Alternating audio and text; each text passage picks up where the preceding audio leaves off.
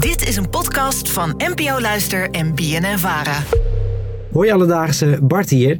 Als je bij de douane werkt heb je denk ik veel te maken met criminaliteit. Ik kan me voorstellen dat het moeilijk is om je bijvoorbeeld niet over te laten halen voor een grote som geld. Oftewel, hoe maakt de douane zijn personeel weerbaar tegen criminaliteit? Alledaagse vragen. NPO Luister.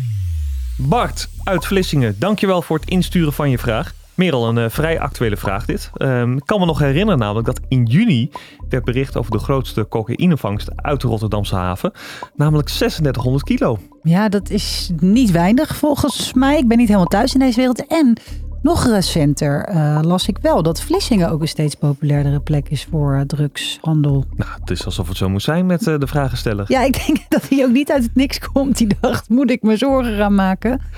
Nou ja, ja, ik denk het wel. Maar misschien komt dat ook wel omdat Rotterdam zo'n populaire doorvoerhaven is dat ze gaan uitwijken omdat er steeds betere controle is. Ja. Roep ik zomaar even voor. Vlissingen is het nieuwe Rotterdam. Vlissingen Nieuw Rotterdam.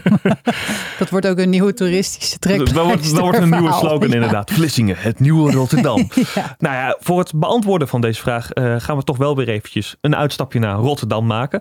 Want ik sprak namelijk met Peter van Buitenen. Hij is regiodirecteur van de douane bij de Rotterdamse haven. En is ook heel veel met dit onderwerp bezig natuurlijk. En volgens hem besteden ze bij de douane zeker aandacht aan om hun werknemers weerbaarder te maken voor die interactie met criminaliteit.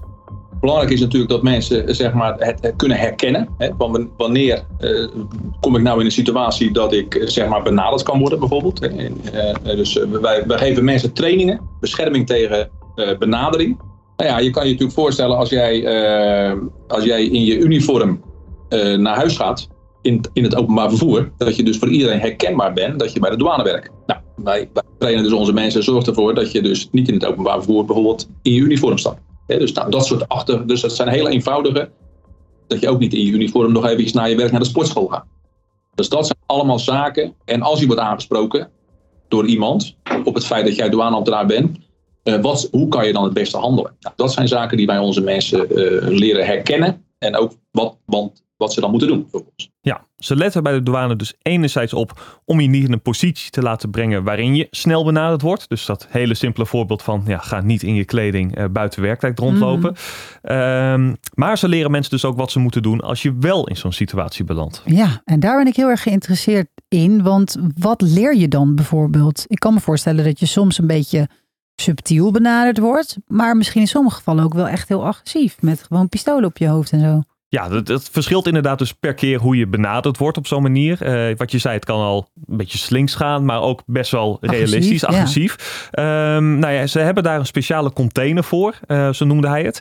En daar eh, in die container krijgt het personeel ook echt les over die verschillende benaderingsmethodes van die ronselaars. Ehm, en ook bijvoorbeeld ja, hoe hun functie interessant kan zijn voor die mensen. Want ehm, de douane is natuurlijk meer dan alleen de mensen die de spullen controleren. Eh, je hebt ook mensen die meer eh, met het systeem te maken hebben. Meer mensen die de logistiek doen. Mhm. Nou, al die mensen zijn ook voor criminelen hartstikke interessant. En Precies. die krijgen er ook in meer of mindere mate mee te maken met die benaderingen van ronselaars. Hebben ze bij de douane ook enigszins inzicht of er veel tussen haakjes corrupt personeel is op jaarbasis? Of Ehm, ik heb het gevraagd ehm, of dat nou vaak voorkomt. En zij beschreven het als redelijk politiek correct, als incidenteel. ja. Ehm, dus ja, het, het komt wel voor, dat gaven ze toe. Ja, het, soms zitten er inderdaad ehm, mensen tussen die er toch voor zwichten. Ja, precies. Ja, dat kan ik me ook wel voorstellen. Eh, enigszins misschien begrip als dat ook met agressie is gebeurd. Ik neem aan dat ze dat ook wel meenemen als iemand gepakt wordt. Mhm. Op welke manier het is gegaan.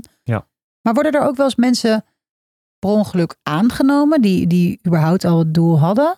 Voordat je bij de douane komt, eh, heb je een VOG nodig. Dus een verklaring omtrent goed gedrag. Eh, dus de, ja, wil je daar werken, dan word je wel eventjes gescreend van tevoren. Daar zijn ze nu mee bezig, vertelden ze mij. Maar gedurende je werk eh, willen ze nu ook daar meer toezicht op houden. Dat bijvoorbeeld ehm, als je voor je werk toegang hebt tot bepaalde documenten of bepaalde bestanden. Dat ze echt actief op letten van nou waar heeft diegene toegang tot. En dat ze het in de gaten houden. Bijvoorbeeld stel je zoekt heel vaak iets specifieks op. Dat ze denken van oh waarom zit diegene daar zo vaak bij. Dus dat ze het meer monitoren. Dat Ah. doen ze nu ook. Ik kan me ook voorstellen dat je kan mensen trainen wat je wil. eh, je kan mensen screenen. Maar is gewoon niet de basic. Je moet mensen gewoon heel erg goed betalen. Omdat criminelen altijd beter betalen dan Ja, je werkgever. Ja, nou dat klopt natuurlijk. Je hebt natuurlijk zoiets als een uithalen, dat je drugs uit de container haalt. Nou, heel risicovol en naar verluid betalen criminelen daar ook veel geld voor. Ja. Eh, nou, dat heb ik eventjes voorgelegd van ja, moet je die lonen niet gewoon omhoog doen? Maar Peter zet dan ook al, ja, daar kun je niet tegenop uh, met die bedragen die zij betalen. Dus ze hebben gewoon een CAO waar ze, aan, uh, waar ze aan houden. Maar wat ze ook doen is dat ze wel bewust zijn van de financiële positie van hun werknemers. Nou, wij proberen natuurlijk als, uh, als bijvoorbeeld onze mensen, als onze medewerkers in een kwetsbare positie zitten. Hè, het zou zo kunnen zijn dat, dat mensen in financiële problemen zijn. komen. Hè, dat, dat, kan ook, dat, dat, dat kan ook bij onze medewerkers voorkomen dan proberen we die mensen ook te beschermen. Dus die proberen we dan ook zeg maar, op, op een, dusdanige werkplek te zetten dat ze zeg maar, ja, niet in een kwetsbare positie komen. Dus daar kijken we goed naar. En daarnaast kun je als werknemer ook aangeven dat wanneer je in die situatie zit, dat je daar hulp bij wilt.